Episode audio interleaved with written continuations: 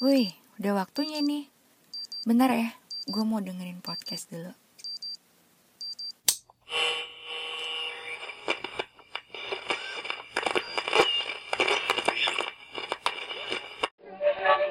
Halo, selamat datang di podcast Ngalur Ngidur bareng Afri.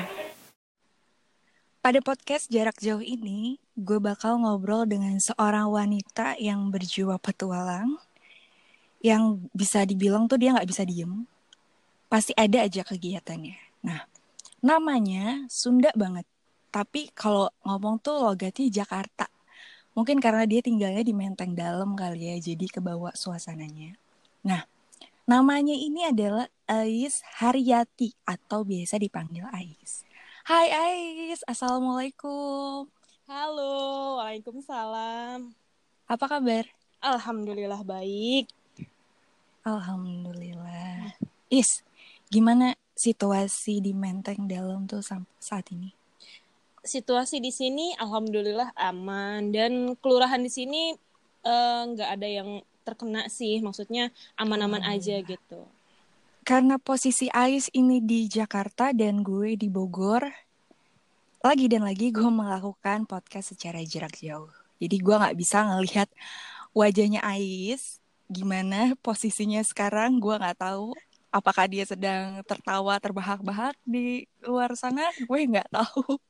Karena biasanya kita nggak bisa tahan ketawa ya, susah jaga image tuh. Jadi di podcast ini kita mencoba untuk personal branding kita dimainkan. Bukan begitu, Ais? Eh, bagaimana saya tidak mengerti? Eh, Anda jangan ini ya, jangan pura-pura. Anda nggak boleh pura-pura gitu. Aku nggak bisa bayangin wajah kita ketemu. Iya. Aduh, udah udah berapa bulan ya? Udah lama banget. Terakhir kali kita udah tiga bulan, empat bulan yang lalu kayaknya ya. Oh, masa sih? Iya Oke. sih. Eh, eh. Biasanya kita biasanya kita tuh main bareng. Terus pergi ngobrolin hal-hal yang gak jelas, cuman karena situasinya seperti ini, akhirnya kita memutuskan untuk ya ngobrol-ngobrol di podcast kali ini. Betul. Is, Ya. kesibukan lo ini selama eh, masa karantina tuh apa aja? Selama masa karantina, Ya. eh tidur, Mm-mm, nonton YouTube, mm-mm. baca buku, eh, browsing-browsing, ide-ide baru kayak masak-masak kali ya. ya nggak sih? Gabut banget. Terus paling main game, terus ya kuliah online gitu-gitu aja sih paling. Ya sama Lo mandi ya, mandi. Main, juga. oh iya dong tetap dong. Harus dong jaga kebersihan ya. Lo Hmm. nggak coba bikin dalgona, dalgondol gitu? Saya taunya Dragon Ball. Lo nggak coba bikin gitu? Enggak ah, katanya pegel tahu bikinnya. Iya. Harus dibikin kayak foam banget gitu sampai kental banget enggak sih? Is sebagai seorang mantan barista nih, lo ngelihat fenomena dalgona coffee itu saat masa-masa karantina ini gimana sih? Apa tiba-tiba orang menjadi seorang master chef dadakan, seorang barista dadakan di rumahnya? Itu gimana menurut lo? Kalau menurut gue sih pribadi ngelihatnya sih eh, fine-fine aja gitu, seneng gitu kalau misalnya orang banyak yang mau mencoba eh, membuat minuman racikan kopi dengan eh, versinya mereka, rasanya mereka. Jadi setiap orang bisa ngerasain gimana nikmatnya kopi gitu. Apalagi kan eh, kopi yang dimaksud itu kan eh, a- awalnya dari inspirasi terinspirasi dari mana? Eh, Korea ya kalau nggak salah. Korea, ya? iya, Iya Korea, Korea. minuman tradisionalnya mereka zaman dulu ya kalau salah ya bagus sih kayak gitu jadi produktif seenggaknya biar nggak gabut-gabut banget gitu mungkin ya Mm-mm. Tapi sayang ya lo nggak tertarik ya. Eh, em, em, eh, kurang kurang minat sih Kalau apa karena terbiasa ya dulunya tuh di ngeracik kopi. Ah ini sepele, gue nggak bukan gue banget gitu kayaknya. sombong kali lah ya kayaknya Iya kan bisa aja gitu. Is tadi kan kita bahas yang nggak berfaedah ya. Nah sekarang kita bahas yang berfaedah dikit. Nah lo ini sempat mengikuti salah satu ekspedisi sosial di bawah naungan Kemenko Maritim, yaitu namanya ekspedisi Nusantara Jaya.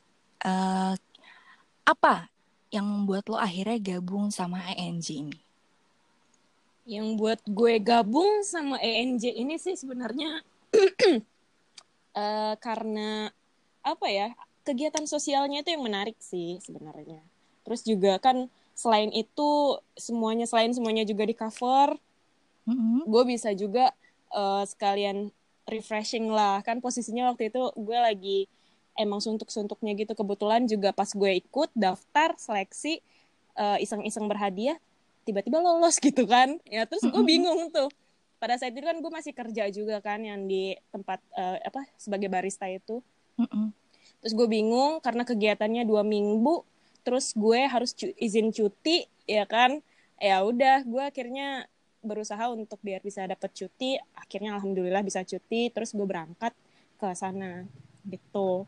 Ya karena tujuannya sih sebenarnya kalau ini emang bener-bener murni gue pengen mengabdi sih. Pengen ngerasain gimana jadi seorang relawan uh, apa pilihan dari pemerintah gitu pihak pemerintah yang dipercaya gitu untuk pergi ke sana untuk membantu mereka dalam segi uh, skill kah atau pengetahuan atau ya kreativitas lain gitu. Tahun? Tahun 2017 itu waktu itu akhir tahun 2017 sekitaran itulah. Dapat informasi ENJ itu dari mana? Nah, ini nih yang lucu. Mm-mm. bagi gue so, sih, bagi gue lucu. Uh, uh, iya. uh, gue dapat info ini dari uh, grup uh, apa UKM kita. Mm-mm. Nah, apa namanya UKM-nya tuh? Uh, UKM fotografi dua mata, Usahid. Oke, okay. lanjut. Halo anak-anak UKM fotografi di Mata. Hai. Halo. Semoga kalian dengerin sampai habis ya.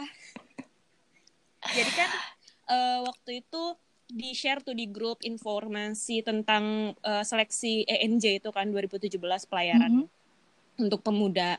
Nah, terus gue iseng-iseng deh tuh. Hmm, gue nge-submit di sana terus gue uh, pokoknya isi berkas semuanya gue lengkapin tapi gue sengaja tuh gue diem diem baik nggak mau cerita ke siapa siapa karena gue juga nggak enak kan kalau misalkan gue ikut terus uh, udah keluar keluar ternyata gue nggak lolos kan malu juga gitu. Iya itu malu banget.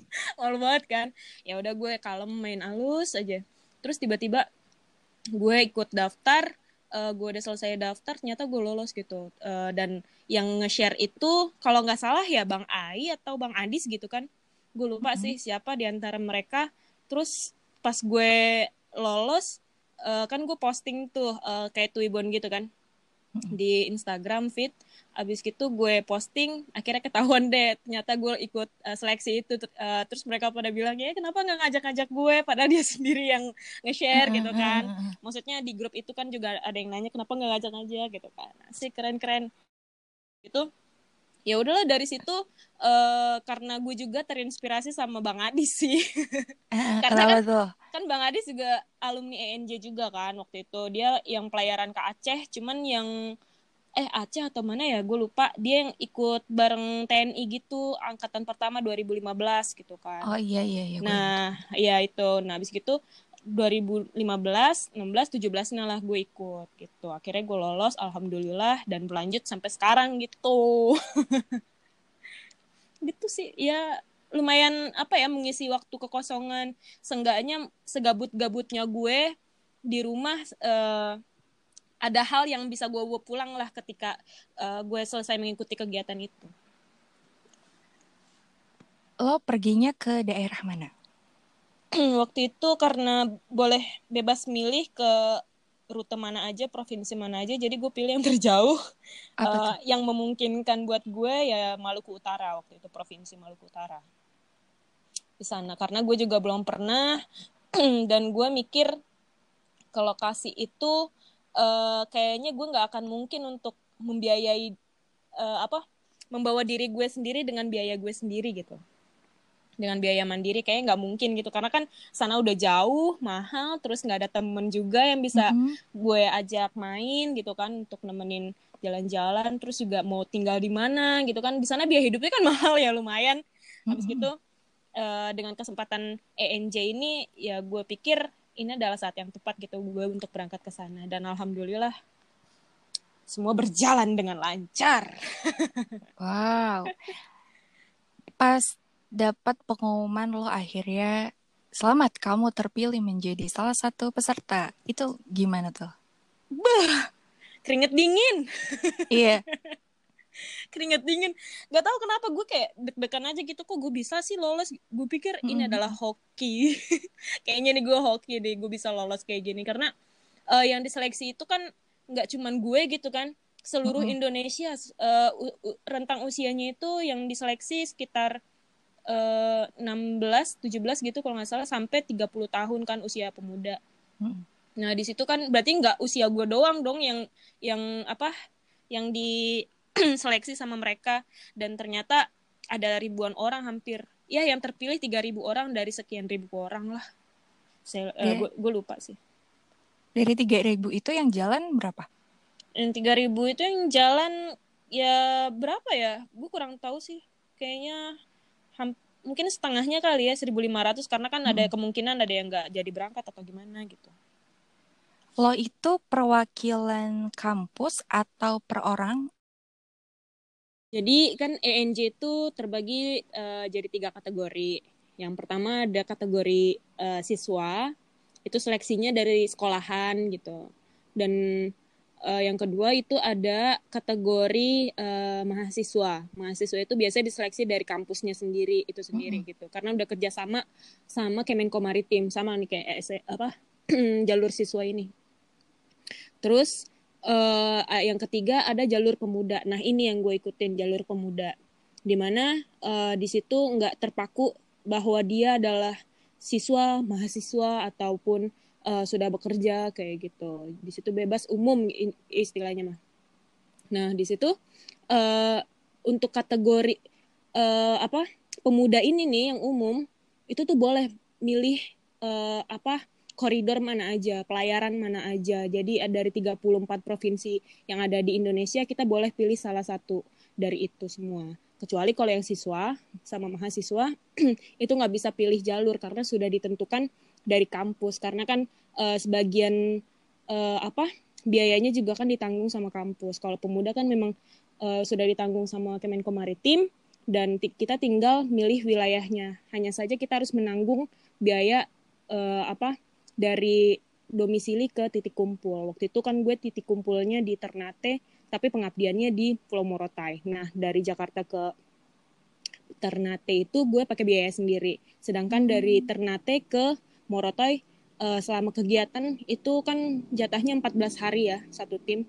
Jadi selama itu selama kegiatan intinya gue di cover gitu. Tapi alhamdulillah sih dengan manajemen uang yang baik gitu kan uh, akhirnya pesawat uh, apa per, satu kali perjalanan untuk dari Jakarta ke Ternate itu ke cover gitu. Waktu itu sih tiket pesawat masih murah-murah banget ya, nggak kayak sekarang. Kacau, masih ke cover sih waktu itu, alhamdulillah gitu. Seleksinya itu kayak gimana sih kalau ENJ? Apa hanya seleksi administrasi atau ada pelatihan khusus fisik, bisa berenang atau segala macam? Nah, ini yang paling keren dari ENJ. Uh, eh, seleksi ENJ ini waktu itu uh, karena kita pemuda ya, karena kan uh, yang daftar kategori pemuda ini kan umum dari mana aja gitu kan. Jadi seleksi berkasnya secara online. Uh, yang penting kita harus punya skill misalnya uh, skill tentang kesehatan misalnya uh, basic-basic kesehatan lah misalnya gitu. Terus basic-basic uh, apa waktu itu mapping atau apa ya gue lupa. Yang kayak pelayaran-pelayaran gitu deh intinya. Mm -hmm. terus uh, yang ketiga ada pilihan uh, kemampuan PBB gitu kan. Terus yang keempat ada kemampuan skill lainnya gitu kayaknya. Apa gue juga lupa deh. Pokoknya ada beberapa uh, skill yang memang kita harus uh, punya gitu basicnya. Nah gue pilih waktu itu beberapa sih, gue juga lupa sih awan yang gue pilih karena udah lama banget ya. Terus mm. uh, ya udah yang penting melampirkan sertifikatnya gitu kan, sertifikatnya sebagai uh, apa bukti kalau memang kita punya basic itu. Kemudian uh, cuman diseleksi sama uh, apa lagi esai, esai. Jadi kayak semacam uh, apa kenapa mau ikut gitu-gitu kan apa yang mau dilakukan nantinya terus gimana gimana gimana. Cuman gitu-gitu doang sih sebenarnya. Kalau waktu itu sih masih gampang. Pas masih zaman zamannya gue mungkin kalau ke sini sini agak agak agak beda kali ya uh, sistem seleksinya. Skill lo saat itu apa pas ngisi formulir? Gue gue lupa. Pokoknya yang gue inget cuma satu. Apa tuh? PBB PBB oh dulu dulu sempat apa bisa PBB uh, ya PBB basic dasar. Karena kan dulu gue SMK itu uh, pas Gibra ya ikut pas hmm. Gibra. Uh, dari SMP sih sebenarnya cuman aktif-aktifnya pas SMK jadi masih inget lah uh, gerakan-gerakan PBB ya seenggaknya upacara lah. Gue uh, masih bisa paham gimana gimananya gitu standar-standar upacara. uh, berarti sangat terbantu banget ya kalau misalnya zaman banget.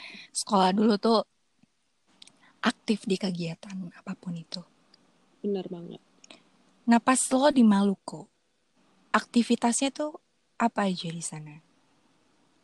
Uh, aktivitasnya itu uh, sebenarnya intinya kita berfokus sama program yang kita bawa terkait maritim gitu kan karena kan uh, programnya dari Kemenko Maritim. Jadi gue uh, fokus dengan kegiatan di sana uh, kayak gue kan terbagi di apa ditempatin sebagai divisi lingkungan gitu kan. Di divisi lingkungan di situ Nah, gue ya fokus di situ aja. Jadi gue bikin kegiatan setiap ha selama hari itu, eh selama gue di Maluku Utara itu, ya gue mempersiapkan kayak program-program gue nantinya bakalan bikin apa, terus mau ngapain, terus di mana caranya gitu-gitu doang sih sebenarnya. Cuman ya memang harus uh, membuat program yang punya impact gitu untuk masyarakatnya sendiri. Karena kan ya apa ya di sana itu kayak uh, apa sih? informasinya kan juga terbatas kan di sana. Mungkin hmm. dengan adanya kita yang datang dari uh, apa ja, uh, apa kota Jakarta dat datang ke sana untuk memberitahu uh, apa menginformasikan kalau misalnya ada info tentang ini ini ini dari Kemenko Maritim lah apalah segala macam gitu. Misalnya kayak untuk tentang terkait lingkungan dan maritim tuh harus kayak gimana gitu-gitu sih paling. Kalau mengikuti kegiatan sosial seperti itu kan kita dibutuhkan adaptasi. Nah, buat lo sendiri nih, adaptasi di daerah yang beda pulau, beda bahasa, dan juga pasti beda adat kebiasaan. Itu gimana menyikapinya? Menyikapinya yang penting kita sopan santun, netral, jangan fanatik, dan yang penting sih kita uh, apa ya saling menghargai aja. Karena kan di sana tentu ada uh, perbedaan budaya yang sangat menonjol gitu kan. Mm-hmm. uh, mungkin dari segi apalah inilah yang yang nggak bisa gue nggak bisa gue sebutin di sini gitu. Uh, terus juga uh, perbedaan dari sisi minoritas dan mayoritas kayak gitu-gitu sih yang harus kita toleransi. Dan pentingnya toleransi ini mm-hmm. inilah gitu. Supaya kita saling apa ya rukun damai dan buktinya ya mungkin dari kalian ada yang pernah dengar tentang kalau Maluku Utara eh bukan Maluku Utara sih di Maluku ya kalau salah atau Maluku Utara juga termasuk gue lupa di sana kan kayak ada konflik antar agama kayak gitu-gitu. Uh -huh. Menurut gue itu udah nggak zaman ya yang kayak uh -huh. gitu. Uh, ketika gue datang ke sana sih konflik agama itu udah selesai. udah selesai dan jangan sampai diungkit kembali gitu. Yang penting kita saling menghargai dalam posisi uh, di saat itu karena sangat penting kita menghargai mereka karena kita adalah tamu gitu kan jangan sampai hmm. kita pulang dengan keadaan tidak baik gitu gitu sih berarti lo ini ya pede banget nih maksudnya waktu datang gue harus bisa ini nih gue harus bisa menaklukkan Maluku. Yeah. lo sempet ada pikiran gak sih gimana kalau misalnya gue nggak terima nggak keterima di wilayah ini gitu misalnya? Nggak diterima orang-orang sekitar gitu? Oh kalau soal itu sih eh uh, ada ya pasti ada. Mungkin nggak nggak terlalu dominan. Karena gue yang penting uh, gimana ya mungkin karena di sana kan perbedaan agamanya kerasa banget ya. gue biasanya gue di sini mayoritas, di sana gue malah jadi minoritas gitu. Mm -hmm jadi gue sempet uh, main mampir-mampir ke gereja main gitu kan. Mungkin uh, gue nya juga sih yang konyol kayaknya ya. Kayaknya terlalu memberanikan diri uh, ketika mereka beribadah gitu. Mungkin gue agak mengganggu mereka gitu ya. Uh, jadi kayak mereka agak agak gimana ya? Ah iya agak risih dengan adanya gue. Karena di situ kan gue apa berhijab gitu kan. Nah di situ jadi kayak pusat perhatian juga gue gitu kan. Selalu dilirik gimana gimana gitu. Kayak aneh gitu mungkin ya. Ini orang ngapain ke sini gitu kan. Karena kan gue bikin uh, apa ngambil stock shoot gitu kan untuk uh, dokumentasi ke Kemenko Maritim gitu kan. Ngambil stock shoot uh, kegiatan di sana kegiatan ibadah mereka kayak gitu gitu sih kayak gitu sih pokoknya ya ada aja gitu hal yang bikin gue uh, apa ya tersadar gitu setelah dari sana. Ketika gue pulang ke sini jadi sadar ngapain ya gue kayak gitu? Ternyata itu sangat mengganggu dan uh, apa ya membuyarkan konsentrasi mereka gitu. Mungkin karena nggak ada yang ngingetin lo juga kali ya. Bisa jadi. Gue berdua sih sama teman gue untuk ngedokumentasi di sana cuman kan yang satu kan emang gak hijab gitu kan. Nah gue doang yang berhijab. Jadi kan kayak mereka eh, eh gitu. Padahal gue mereka mungkin mau negor gitu atau gimana. Hmm. mungkin karena gue juga pendatang di sana terus juga gue mungkin ada keperluan untuk uh, dokumentasi mungkin dia juga ingin memakluminya. Cuman gue ngelihat dari ekspresi mereka kayak uh, gue gerak sedikit set tengok gitu. Hmm. ya udahlah ya gitu. Uh, maafin ya kalau yang denger ini. Maafin gue yang dulu iya Semoga ada yang mendengar ya, tolong yeah. dimaafkan wanita ini. Mm -mm, maafin. Butuh waktu berapa lama penyesuaiannya di Maluku? Uh, berapa ya? Tiga hari, empat hari, lima hari lah. lama Lama loh. juga. Iya cukup lama, cukup lama sih karena kan gue uh, apa ya? Di sana tuh masih belum bisa membaur-baur banget karena kan gue memang bener-bener datang sendirian gitu loh. Gue dari hmm. dari rumah memang sendirian, dari Jakarta memang sendirian gitu. Meskipun gue udah kenal dari uh, apa orang yang satu tim ini kan ada juga yang domisili di Jakarta. Cuman kan walaupun satu domisili kita juga baru kenal gitu kan. Mm. Tetap aja gue ngerasa sendirian, jadi gue masih harus beradaptasi untuk menyesuaikan uh, diri sama teman-teman baru. Kayak misalnya untuk bercandanya lah harus kayak gimana. Bagi gue lucu mungkin bagi mereka itu uh, kata-kata kasar. Uh, absurd terlalu absurd. gimana? Ini apa oh. sih gitu kan? Mereka ada yang nggak ngerti. Cuman ya kita harus menyesuaikan itu gitu supaya jangan sampai ada salah paham dari segi komunikasi kita memang uh, gue ngerasain itu sendiri sih jadi ada temen yang ngeguyon gitu kan um, mm-hmm. bagi mereka lucu tapi bagi bahasa mereka tuh nggak ada yang lucu gitu padahal itu bahasa kasar kata mereka gitu jangan ngomong kayak gitu misalnya gitu-gitu kan ya ada mm-hmm. aja lah uh, apa ya perdebatan antar bahasa mungkin kesalahpahaman gitu mungkin hanya saja kita harus menjaga etika kita gitu supaya bisa saling apa ya saling ya klop lah dalam waktu dek, eh, waktu cepat gitu. Momen apa yang paling berkesan, Is? Momen yang paling berkesan buat gue adalah jalan-jalan. Tapi memang benar sih. Kenapa gue bilang jalan-jalan? Uh, dengan adanya program-program kayak gini kan sebenarnya pemerintah pengen ngasih tahu nge-branding uh, satu wilayah ke kita mm -hmm. supaya kita bisa nunjukin ke teman-teman kita gitu. Mm -hmm. Kalau misalnya di wilayah ini tuh punya ini, punya ini bagus loh gitu kan, ada nilai jualnya gitu.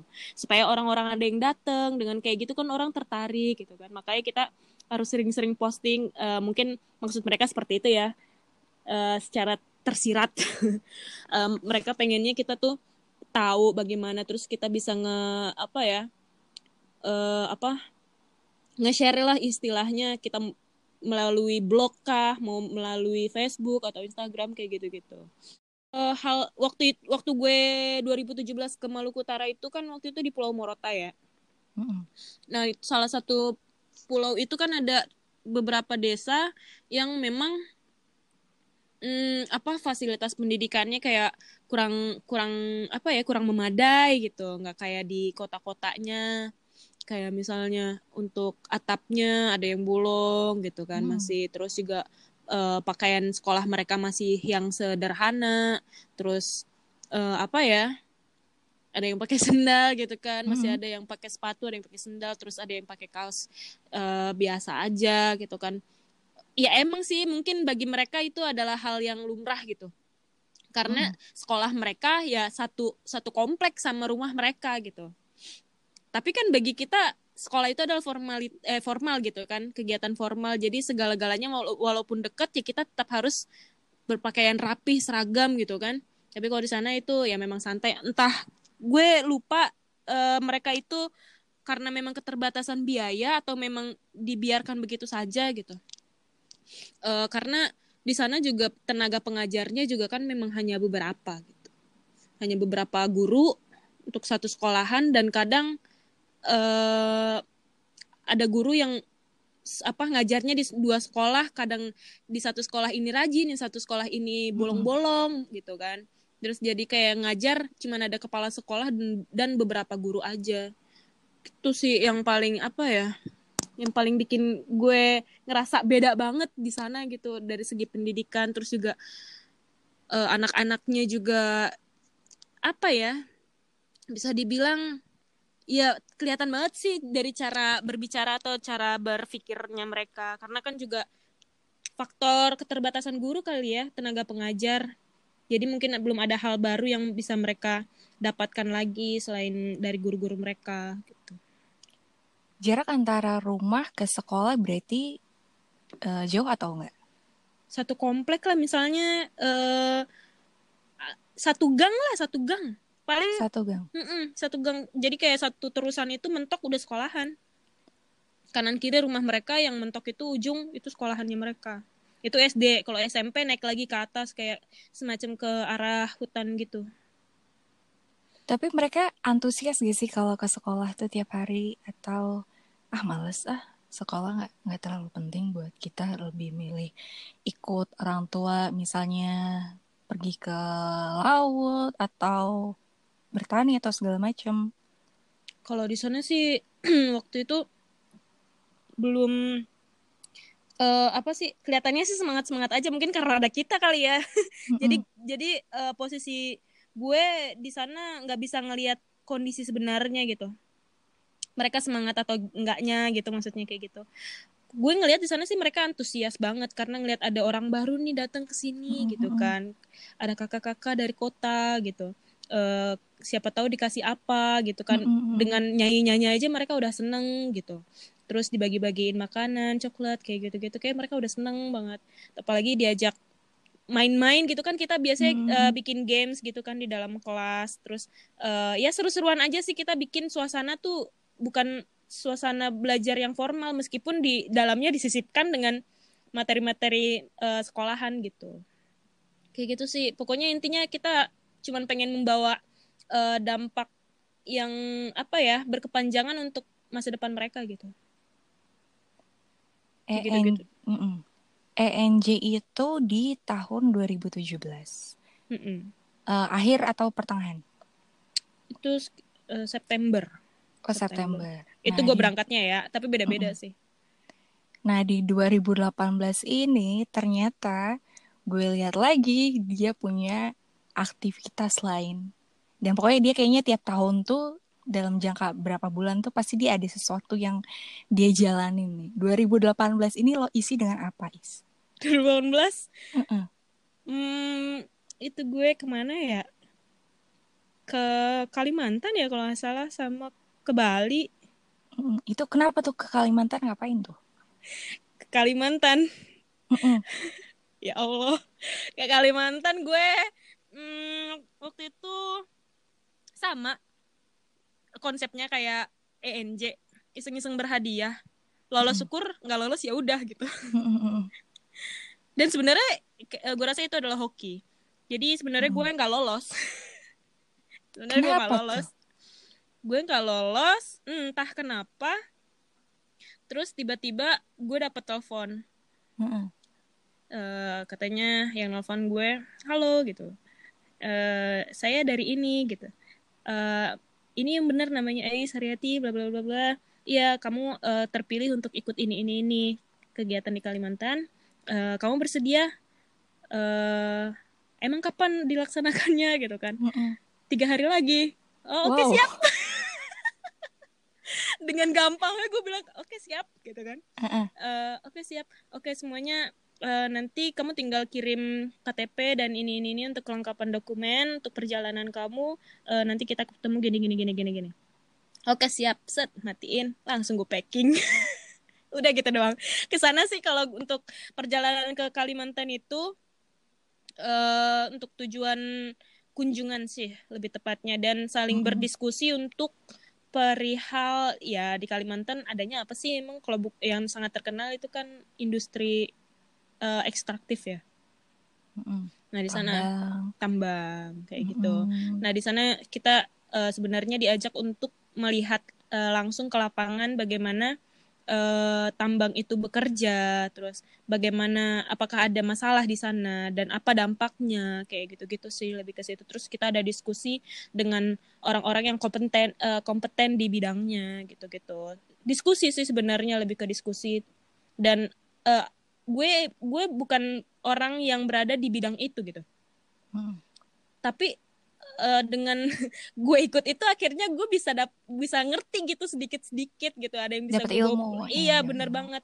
Ya seenggaknya walaupun kita nggak punya basic di situ yang penting kita mau belajar.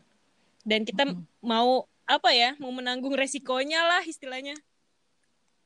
Resiko apa pun itu.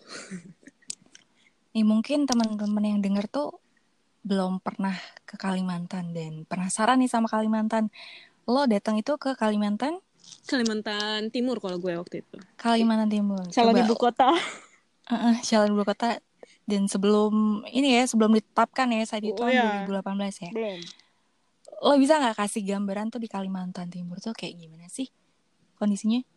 Kalimantan Timur. Pada tahun 2018 ya? 2018 Kalimantan Timur ya kayak kota-kota biasa. Hmm. pada saat di balik papan. Pada saat uh, kita landing gitu. Uh, ya kondisinya sama kayak di Jakarta cuman agak agak sepi aja gitu ya. Modelannya ya sepi-sepi panas. Sepi panas. Ya sepi-sepi panas tapi nggak sepi-sepi banget. Cuman uh, pas sudah masuk ke apa jalur Soeharto gitu kan kita dari Balikpapan menuju Samarinda kan naik mobil. Hmm. sekitar tiga jam ya kondisinya hutan-hutan udah mulai hutan hutan Bukit Soeharto kan lewatin situ.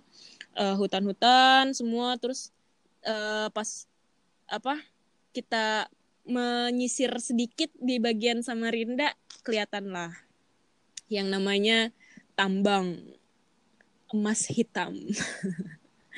Nah di sana udah mulai kelihatan. Jadi gue diajak untuk melihat tambang-tambang yang ilegal terus mm -mm. Uh, melihat apa ya uh, adanya ketidakadilan di antara kedua belah pihak antara perusahaan tambang dan uh, masyarakat sekitar yang menjadi penduduk uh, asli yang lebih lama gitu istilahnya.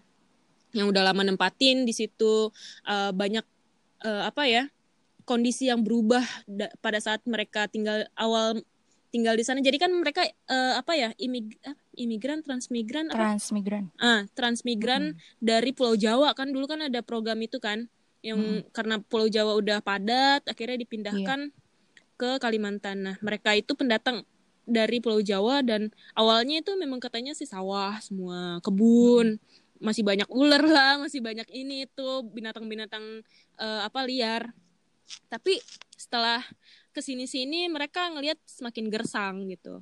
Uh, jangankan untuk uh, apa menanam air aja tuh udah nggak ada air aja udah keruh gitu udah terkontaminasi dengan uh, bahan-bahan kimia karena kan mereka juga sering melakukan blasting di sana kayak gitu-gitu. Nah terus uh, mulai apa ya kontrak-kontrak yang uh, belum diperpanjang tapi mereka mengakali segala hal gitu menghalalkan segala cara terus uh, ya banyaklah konflik-konfliknya lah intinya gitu kan di sana nah terus uh, gue kan kunjungin beberapa rumah warga terkait apa menanyakan bagaimana uh, kegiatan ekstraktif di sana. Jadi itu ada satu rumah gitu kan, uh-huh. uh, satu rumah yang tinggalnya berdampingan gitu sama lahan tambang, deket oh. banget. Ya ampun, misalnya nih rumah rumah halaman belakang rumah nih, halaman belakang rumah tuh udah langsung kelihatan uh, apa uh, tanah yang dikeruk sama si tambang itu untuk lahan tambang. Belakangnya itu langsung halaman tambang. Bahkan udah ada yang di pinggir banget rumah. Mm -hmm. di bawahnya itu udah langsung tambang. Tambangnya ini ilegal? Kalau itu gue lupa ya. Uh, mungkin apa ya ile mungkin legal kayaknya sih legal gue lupa karena gue kunjungin beberapa rumah juga kan mm -hmm. yang bisa yang gue cerit yang gue maksud itu legal cuman uh, untuk kegiatannya itu kayak kurang sopan gitu. Oh. Mm-mm. Mungkin kayak uh, mereka bilang uh, apa ya?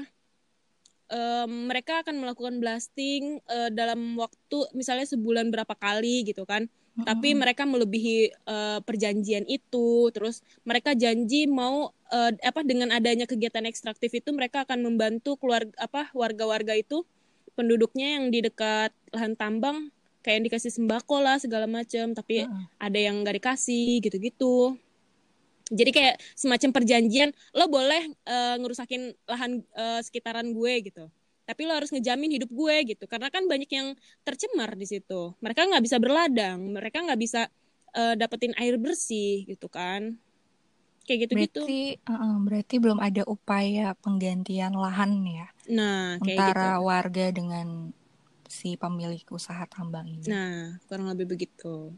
Ya begitulah, pokoknya banyak banget konfliknya yang masih gue inget sih itu, apa uh, konflik-konfliknya antara masyarakat dengan pihak tambang.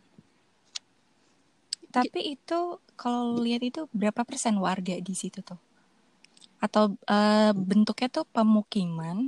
Pemukiman, pemukiman. Namanya hmm. uh, masih daerah pedesaan gitu kan jadi jarak satu rumah sama rumah lain agak jauh mungkin karena kan rumahnya gede-gede juga lahannya terus hmm. jadi kayak dibeli sama mereka terus uh, apa ada yang masih mau bertahan di situ jadi kayak uh, karena di bawah rumahnya mereka itu ada yang bisa dikeruk gitu. Jadi mereka -hmm. kayak membayar terus akhirnya ada yang pergi uh, cari rumah lain terus ada yang masih -hmm. tetap di situ. Jadi udah mulai sepi sih sebenarnya. Cuma ya ya kan itu juga masih ada hak mereka gitu untuk tinggal di situ untuk mendapatkan air bersih lah untuk berladang segala macam gitu gitu ya perdebatan kayak gitu gitulah nah 2018 ini setelah dari Kalimantan lo ada kegiatan di Bali. Lo dari Maluku Kalimantan Bali. Berbeda pulau tiga-tiganya. Tuh di Bali itu lo ikut suatu conference. Bisa nggak lo ceritain ke teman-teman? Konferensi yang gue ikutin tuh namanya uh, eh, OOC atau Our Ocean Conference. Uh, apa di situ kayak memang mengundang youth leader gitu kayak uh, pemimpin muda di bidang kemaritiman dan kelautan kayak gitu. Nah jadi waktu itu gue uh, iseng-iseng daftar juga sih. Uh, gue nggak nggak berharap lolos karena itu eventnya mm event besar banget. Karena nggak cuma uh, dari Jakarta dan nggak cuma dari Indonesia gitu. Jadi kayak ya udahlah lolos syukur nggak lolos ya udah gitu.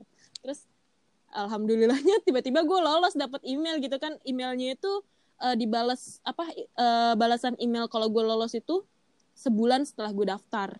Jadi okay. cukup lama. Biasanya kan paling cuma seminggu dua minggu tok gitu. Uh, -huh ini sampai sebulan lebih kayaknya.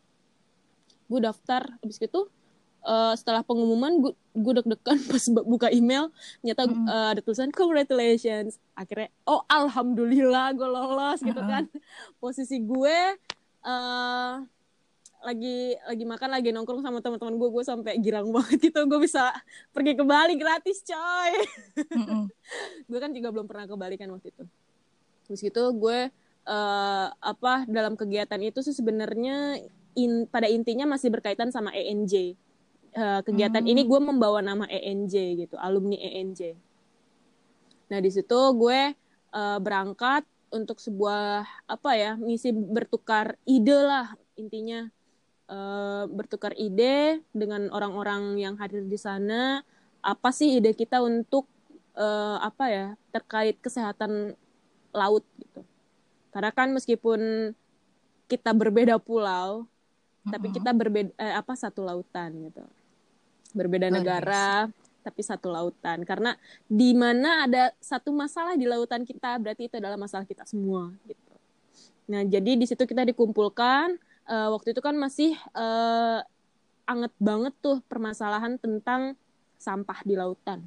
Hmm. Ya kan? Nah, di situ kita dikasih uh, ruang untuk speak up deh tuh untuk ngebahas apa sih solusi kita gitu dengan sampah-sampah yang ada di lautan ini bagaimana kita uh, campaign ke orang-orang sekitar kita. Jangan besar-besar gitulah seenggaknya untuk orang-orang yang ada di rumah kita lah gitu kan. Terus Mm-mm. di organisasi kita terus nanti kalau sudah bisa ada progres gitu kan kita bisa lanjut ke tahap yang lebih luas lagi ke masyarakat ke tingkat provinsi segala macam gitu-gitu sih. Nah di situ kita ngebahas saling tukar ide terus ide-ide mereka tuh ada yang bagus-bagus. Meskipun ya secara garis besar intinya sih sama gitu sebenarnya. Mm-mm. tapi seenggaknya ada ada ide baru lah yang bisa di apa ya di di kreativitas eh, apa di apa? Bisa mengasah kreativitas kita untuk ide-ide yang mereka uh, suarakan kayak gitu. Banyak sih keren-keren dan itu juga kegiatannya disponsorin ya. Semuanya uh, disponsorin waktu itu mas uh, disponsorin sama Kemen eh Bu Susi waktu masih menjabat ya. Uh, terus di situ gue uh, ketemu juga nggak jauh-jauh lingkungan gue dengan alumni ENJ di situ gue malah ketemu sama beberapa alumni ENJ ada satu dua tiga empat lima eh, sekitar lima enam orangan lah yang lolos gitu kan. Tapi beda beda provinsi ya. Ya udah gue di situ kumpul lah Dari ketiga aktivitas lo yang lo bisa ke Maluku, ke Kalimantan, dan juga ke Bali, kalau gue tangkap nih dari eh, niatan yang iseng-iseng, nggak terlalu serius, ya kan? lo tau diri gue iya, karena berharap itu menyakitkan ya. Yang kita harap ada menyakitkan ya. Uh, tiba-tiba Karena kalau eh, jadi kalau mengharapkan sesuatu yang kita muluk-muluk tuh kalau nggak jadi jadi bikin apa ya hopeless gitu nggak sih? Iya bikin ngedown. Kita sudah berharap pada sesuatu tapi kita nggak bisa dapetin. Ya cuman bisa bikin kita sedih doang gak sih? Mm-mm-mm. Tapi walaupun iseng gitu pasti harus dibarengin sama doa dong pastinya. Bener banget. Uh-uh, jadi nggak cuman kita nggak bisa ngomong apa ya iseng ngasal gitu enggak tapi kan kita juga di balik itu kita juga berusaha Betul kan gitu saudara Ais Betul sekali. Uh-uh. Nah, dalam tiga pulau itu yang sudah lo hadiri, yang sudah lo kunjungi, apa pelajaran terbesar? Pelajaran yang gue dapet dari selama kegiatan itu mungkin lebih ke kepekaan kali ya. Tadinya kayak misal eh, misalnya tuh gue soal sampah ya masih sembrono gitu kan. Karena di situ waktu gue ikut ENJ awal-awalnya lebih fokus ke sampah kan.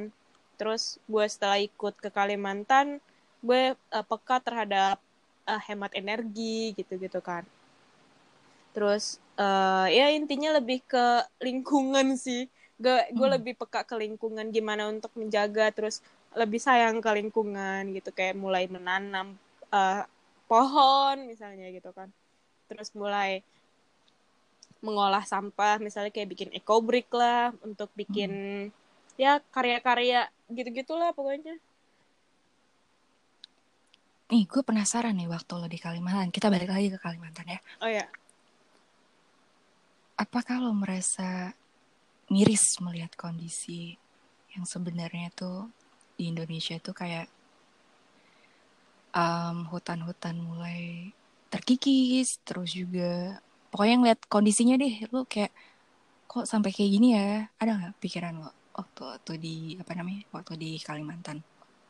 sedih sih sebenarnya nggak kebayang kalau gue menjadi salah satu penduduk itu karena eh, gue bisa ngerasain jadi posisi si penduduk itu karena mereka mau melakukan apa pun ya nihil gitu karena ya pemerintahnya yang di sana waktu itu kan lo tahu sendiri banyak kasusnya gitu kan. Yang Hmm. pernah ada demo di depan kantor polisi atau kantor eh, apa pemerintahan gitu ya kalau lupa. Ada berita eh ada beritanya iya ada beritanya. Eh dia itu gimana ya? Ya gue nggak mau menjelek-jelekan juga sih ya biar kalian lah yang yang yang menilai gitu kan dari Hmm. berita-berita yang ada. Ya gue mungkin sependapat dengan eh, apa yang di pikiran kalian tentang si pemerintah itu. Banyak hal yang membuat rakyatnya itu merasa tidak tidak ada keadilan untuk mereka. Uh, jadi ada hak yang dirampas dari mereka. Terus gue pada saat perjalanan gue men dari Balikpapan menuju Samarinda itu waktu itu ngeliat miris banget sih. Uh, mm -hmm. gue berharap di situ uh, waktu gue datang ke situ gitu gue berharap posisi gue adalah di masa lalu karena kayaknya dulu masih rimbun banget gitu hutan-hutan masih lebat dan waktu gue ngelewatin salah satu hutan uh, menuju pertambangan itu dulunya itu banyak uh, bekantan uh, lari-larian gitu ke hmm. sana ke sini terus sekarang udah mulai nggak ada karena ditembakin lah karena hutannya udah digundulin karena untuk tambang mereka terus hmm. jalanan juga udah nggak ada yang yang mulus gitu kan karena sering dilalu lalang sama truk-truk yang besar-besar pengangkut uh, apa tambang itu terus apa ya banyak hak-hak yang nggak dipenuhin lah sama mereka juga sih pihak uh, industri tambangnya ya sebenarnya sih miris banget pokoknya gue sedih gue mau mm -hmm. gue kesel gue pengen melakukan sesuatu tapi ya kayaknya percuma karena suara gue nggak akan didengar karena gue itu bukan bukan siapa-siapa gitu. Hmm. Kayaknya kalau kita bersatu mungkin kita akan didengar. Tapi ya kalau pejabatnya memang punya hati nurani ya, pemerintahnya yang terkait hal itu gitu. Mungkin kalau mereka punya hati nurani mereka bakalan uh, membantu kita gitu. Maksudnya lebih berpihak kepada kita, lebih mengerti gitu. Karena ya sia-sia gitu semuanya pokoknya gue sedih hmm. banget, gue kesel banget. Gue uh, waktu ada nggak waktu kegiatan di sana kan nggak ada yang diskusi jadi kayak dipanggil orang yang berkompeten kompeten mm-hmm. di situ ya kayak mereka melakukan pembelaan diri ya kayak yang kita tahu lah setiap diundang pasti mereka melakukan pembelaan dong nggak mungkin mau di pojokin sama uh, peserta diskusi kan mm-hmm. Ya mereka bilang punya solusi ini tuh solusi ini itu. Tapi ya sampai sekarang ya masih lah. Bilangnya mau pakai energi terbarukan tapi kok kita masih ya ya kayak yang lo tau lah.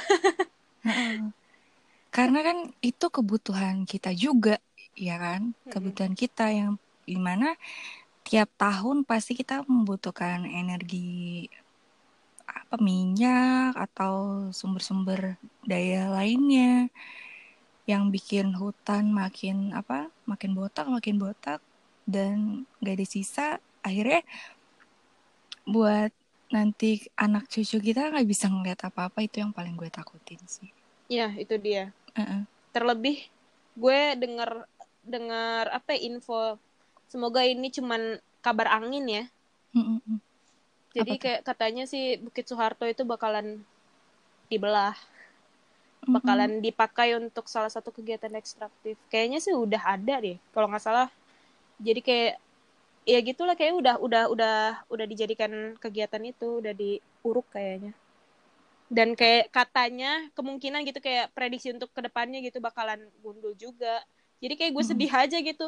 Karena kan kita tahu Pulau Kalimantan itu uh, paru-parunya dunia. Betul gak sih istilahnya? Paru-paru dunia. Jadi ya kalau di situ udah rusak gersang ya oksigen bagaimana gitu kita mau hmm. apa sih gue lupa deh gimana sih untuk ngejelasinnya Istil intinya gitu jadi kalaupun Kalimantan rusak ya gimana keadaan bumi gitu kan mau seperti apa mau global warming terus gitu kan padahal di kutub utara udah meleleh SS-nya ya emang bener sih fakta. Kayak gitu-gitu. Terus juga uh, apa ya banyak kebakaran hutan kayak gitu-gitu. Terus lahan habitat-habitat yang apa habitat hewan-hewan daripada nggak ada karena ditebangin untuk kepentingan pribadi. Dan hmm. Dan gue semenjak ikut diskusi itu gue jadi tahu siapa aja orang-orang yang gue kagumi ternyata pemilik saham pemilik industri ekstraktif itu Ya mau tidak mau karena kan berurusan ya. dengan apa ya berurusan dengan kepentingannya dia dan urusan perut juga nggak bisa apa ya kalau udah ngomongin perut susah. Iya benar segala hal dilakukan. huh. Jangankan di Kalimantan sih, yes, uh, di rumah gue yang di Bogor ya, Mm-mm. ada yang namanya Gunung Putri. Mm-mm. Nah, waktu zaman gue sekolah dulu sekitar masih kecil lah ya, tahun 2000-an tuh, Hmm. si Gunung Putrinya itu masih bentuk bukit. Hmm. Uh-uh, nah, pas banget biasanya kelihatan dari jalan tol kalau kita dari arah Bogor ke Jakarta kan pasti ngelewatin Gunung Putri. Nah, itu si bukit Gunung Putrinya itu masih kelihatan. Nah, udah dimasuk ke 2010-an, udah masuk ke 2000 seingat gue ya, Mm-mm. udah 2000 berapa ya? 15 atau mana? Pokoknya gue lupa. Ini seingat sepenglihatan gue. ya. Si bukitnya itu udah nggak ada. Serius? Jadi, uh-uh, jadi udah di gue pernah ada tugas waktu SMP itu ngambil suatu tumbuhan atau apa yang adanya di situ. Nah, gue sama teman-teman kelompok gue pas gue lihat itu ternyata si Gunung Putrinya itu ada kegiatan apa ya? Gue nggak tahu sih. Gue kurang informasi sih tentang si Gunung Putri itu. Dia si gunung itu menghasilkan apa? Gue kurang tahu. Jadi kayak apa? Kalau mencungkil batu-batuan gitu ya. Mm-mm. Nah, si gunung put si gunungnya si bukit inya ini di itu di tok tok tok dicungkil gitu. Dan ternyata pas ini udah bukitnya makin pendek makin pendek lama-lama nggak ada. Berarti si bukitnya tuh menghasilkan sesuatu gitu. Jadi ya Batu wah ini alam kan ya? eh-eh, kayaknya sih. Jadi kayak wah ini dulu bentuknya masih ada. Terus sekarang pas lewat wah mana ini bentuknya? Nggak ada. Jadi Hilang ting nggak ya kayak? Kayak ah dipindahin. Iya. Dan lokasi rumah gue juga kan dekat sama industri semen, Hmm. salah satu perusahaan semen gitu. Jadi kalau dari rumah gue nih lantai dua itu bukitnya itu udah kelihatan. Yang tadinya hijau jadi batuan kapur gitu. Ya gimana ya, Hmm. pengen elus-elus dada cuman kan kita membutuhkan itu. Mau gimana ya? Ya mau dipikirin pusing, kalau nggak dipikirin apatis. Gimana sih? Iya, memang serba salah sih. Eh, eh, eh. Kita harus menyesuaikan, tapi kita harus menerima resiko juga. Iya, karena balik lagi itu salah satu komoditi yang kita butuhkan. Betul banget sih. Mm-mm. Ya, kita... Lanjut. mm-mm. Ya, yaudah. Aduh, pusing kita. Nggak kita awalnya mau ngobrol santai, kenapa Eh, eh. jadi gini ya? Tapi gak apa-apa. Ini buat podcast selanjutnya eh. juga boleh tau bikin dua sesi. 2017 di Maluku, 2018 ke Kalimantan dan Bali. Sudah tiga pulau selama dua tahun. Nah, sampai 2020 ini, udah berapa pulau dan berapa provinsi yang udah lo datengin? Kalau pulau, gue nggak bisa ngitung ya. Soalnya kan gue juga suka mondar-mandir ke Kepulauan Seribu ya. Heeh. Jadi hitung provinsi Dihitungnya aja satu. ya. Oh yaudah, Provinsi apa-apa. aja ya. silakan, Biar- silakan. Gue gue gampang hitungnya. Mm-mm. Hmm, sekitar 10 11 baru 11 paling. 11 provinsi kayaknya Dalam waktu dari 2017 itu. 17 sampai 2020. Mm-mm. Dan itu kegiatan sosial semua. Sosial, sosial. Sosial sih. Mayoritas ya lebih dominan ke sosial. Karena setiap ada Heeh. ada apa ya, seleksi, perekrutan seleksi, seleksi gitu, gue selalu daftar. Hampir semuanya itu gratis kan. Dalam Eh. artian disponsor lah ibaratnya. Iya di cover untuk yang Ya, intinya sih kegiatannya di cover kalau untuk eh, masing-masing ada yang pure gratis, ada yang pure eh ada yang sebagian bayar kayak administrasi gitu-gitu doang. Cara biar bisa kayak itu kayak gimana Is? Gue pengen deh. Cuman kayaknya gue udah ketuaan kalau kayak gitu. Heeh. Coba barangkali kan ada di pendengar gue ini yang masih umurnya masih muda, masih apa berjiwa penasaran, ingin mengikuti jejak Ais ini. Caranya sih yang penting lo aktif di sosial media dan aktif di satu organisasi gitu sih. Karena biasanya satu organisasi punya kan punya banyak anggota. Biasanya setiap Mm-mm. anggota itu punya informasi masing-masing gitu kan entah dapat dari Hmm. mana lah dari mana gitu kan terus mereka share ke grup itu ntar lo abis itu lo lihat terus lo ikutin ntar dari situ lo punya teman baru teman baru lo itu punya informasi lagi lo ikutin Hmm. lagi gitu terus ba- apa ya kayak kegiatan berantai. Kegiatan berantai kayak gitu sih. Terutama sih eh, apa gue lebih sering dapetin info di sosial media sih kalau gue. Karena waktu itu kan gue masih aktif banget eh, mainin Instagram ya. Mm-mm. siapa aja gue follow gitu. Mm-mm. siapa aja gue follow yang positif positif ya. Maksudnya yang punya informasi eh, menarik informasi yang berfaedah gitu. Gue follow followin terus karena suka ada informasi terselip gitu teman gue ada yang ikut seleksi ini. Kan dia posong eh apa posting Twibbon gitu kan. Mm-mm. akhirnya gue eh, lihat postingannya terus gue lihat eh, kegiatannya dari mana akun apa yang dia ikutin gitu kan. Seleksi apa yang dia ikutin gue telusurin. Terus kita lihat kriteria yang dipilih yang diseleksi diseleksi itu seperti apa. Ketika eh, seleksinya itu eh, apa ya gue bisa memenuhi kriteria itu ya gue ikutin gitu terutama yang gue cari sih yang gue highlight sih sebenar sebenarnya sih yang benar-benar gratis tanpa biaya apa pun. Ketika itu gue langsung gue ikutin eh dengan ngelihat juga jangan lupa ya untuk ngelihat eh, siapa sih saingan lo. Mm. supaya eh, apa ya biar kita tahu seberapa besar peluang kita untuk bisa lolos. Soalnya lawan lo itu eh, apa saingan lu adalah orang yang satu organisasi organisasi dengan lu. Mm-mm. lo kan udah tahu tuh kapasitasnya dia seperti apa ya kan? Eh, ketika dia di bawah lu ya lo optimis lah. Lo bisa apa ya bisa lebih meyakinkan. Lo kan tahu kelemahannya si teman lo ini nih yang satu organisasi Mm-mm. saingan lu. Nah lu pas di SI biasanya kan suka ada SI tuh pas seleksi di SI-nya itu lo tunjukin kelebihan lu dibanding si saingan lu itu. Mm-mm. kayak gitu gitu maksudnya bukan bukan menjatuhkan sih. Lebih kayak apa sih yang gue punya? Eh, misalnya kita udah bisa ketebak nih. Kita udah bisa nebak kalau dia itu bakalan nyebutin apa aja skill eh, skillsnya dia gitu kan. Mm. nah kita bakalan nyebutin juga yang lebih dari dia gitu. Apa sih gitu nilai jual kita biar supaya kita bisa lolos gitu kan. Biasanya kan selain dilihat dari pengalaman dari skills terus dilihat dari apalagi ya biasanya dilihat dari keyakinan kita untuk seberapa yakin gitu untuk lolos gitu-gitu sih motivasi udah Berarti kayaknya gue kalau ikutan gak usah temenan sama lo deh. aduh gue gak, lo siapa? gue bakal kayak gitu. Gue kalau mau ikut apa-apa kayaknya gue lebih menjalankannya itu sendiri tanpa gue ngasih tahu dan menganggap lo tuh bukan siapa-siapa gue. Ai. Enggak, enggak, gue bukan orang seperti itu, maaf ya. Enggak.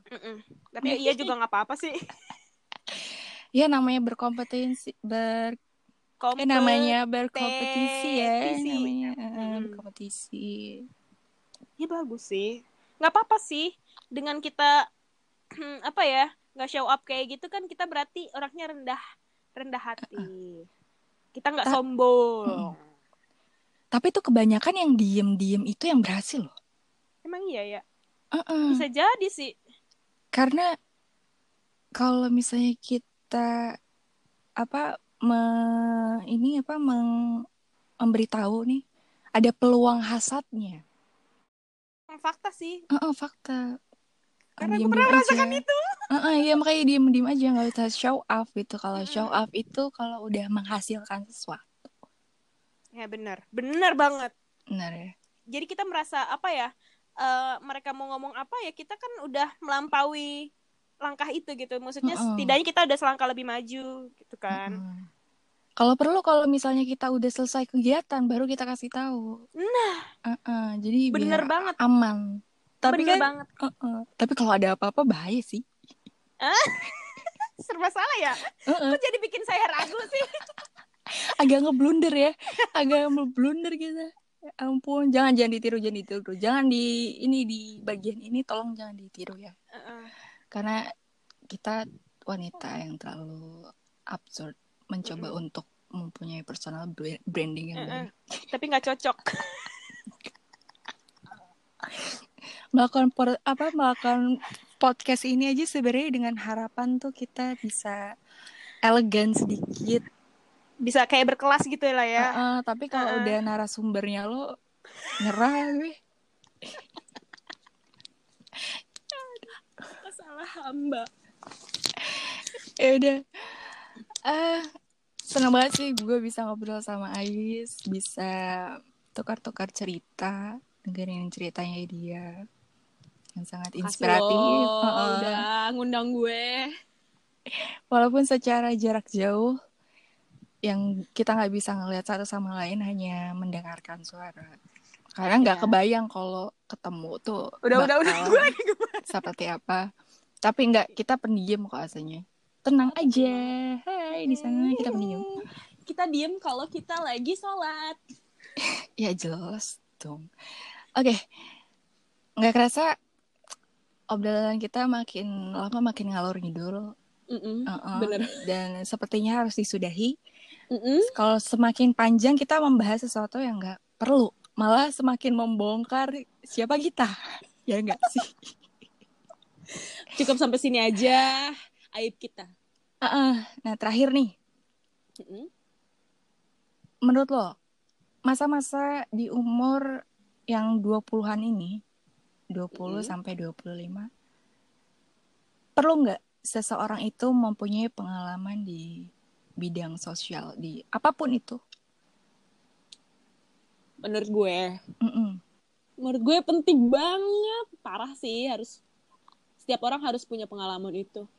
Untuk apa ya? Melatih mental melatih uh, apa ya? Adaptasi untuk melatih komunikasi empati simpati sih kayak gitu-gitu mm -hmm. ya terus uh, untuk apa ya memahami situasi dan kondisi hele gitu aja. Iya pokoknya bener sih. Kita jadi pa lebih paham uh, kita harus melakukan seperti apa karena kita udah belajar menghadapi orang yang berbeda-beda. Itu sih. Ya sih luar biasa. Salut. Dalam waktu 2017 sampai 2020 ternyata dia sudah berkeliling-keliling setengah Indonesia, bukan setengah. satu Indonesia ya, bukan satu Indonesia setengah. Belum, belum. Doain Tapi aja ya. Uh, setelah corona ini semoga si Rona ini cepat pergi Amin. dan kita bisa beraktivitas kembali. Amin. Bisa keliling-keliling lagi. Betul. Bisa ke Baduy yang sempat jaya apa oh, iya, batal bener. itu. Oh, iya, kita nggak jadi makan durian. Oh iya, astagfirullah semoga ya semoga kita bisa uh, dan narasumber saya sepertinya sudah mulai kehilangan konsentrasinya agak bahaya kalau udah seperti ini bahaya banget udah kita udahin aja ya Uh, uh, iya, kita udahin aja. Kita mohon maaf sekali jika ketawa kita agak mengganggu karena ya mohon dimaklumi ya. Minta maaf ya. Ya udah. Akhir kata, gue Afri. Gue Ais. Sampai ketemu lagi di podcast Ngalor Ngidur selanjutnya. Semoga kalian semua tetap sehat, dijauhkan dari penyakit, dan kita bisa ketemu lagi. Oke? Okay? Amin. Dan kita pamit undur diri dulu. Okay. Wassalamualaikum warahmatullahi wabarakatuh. Waalaikumsalam warahmatullahi wabarakatuh. Bye. Dadah, Bye. Dadah.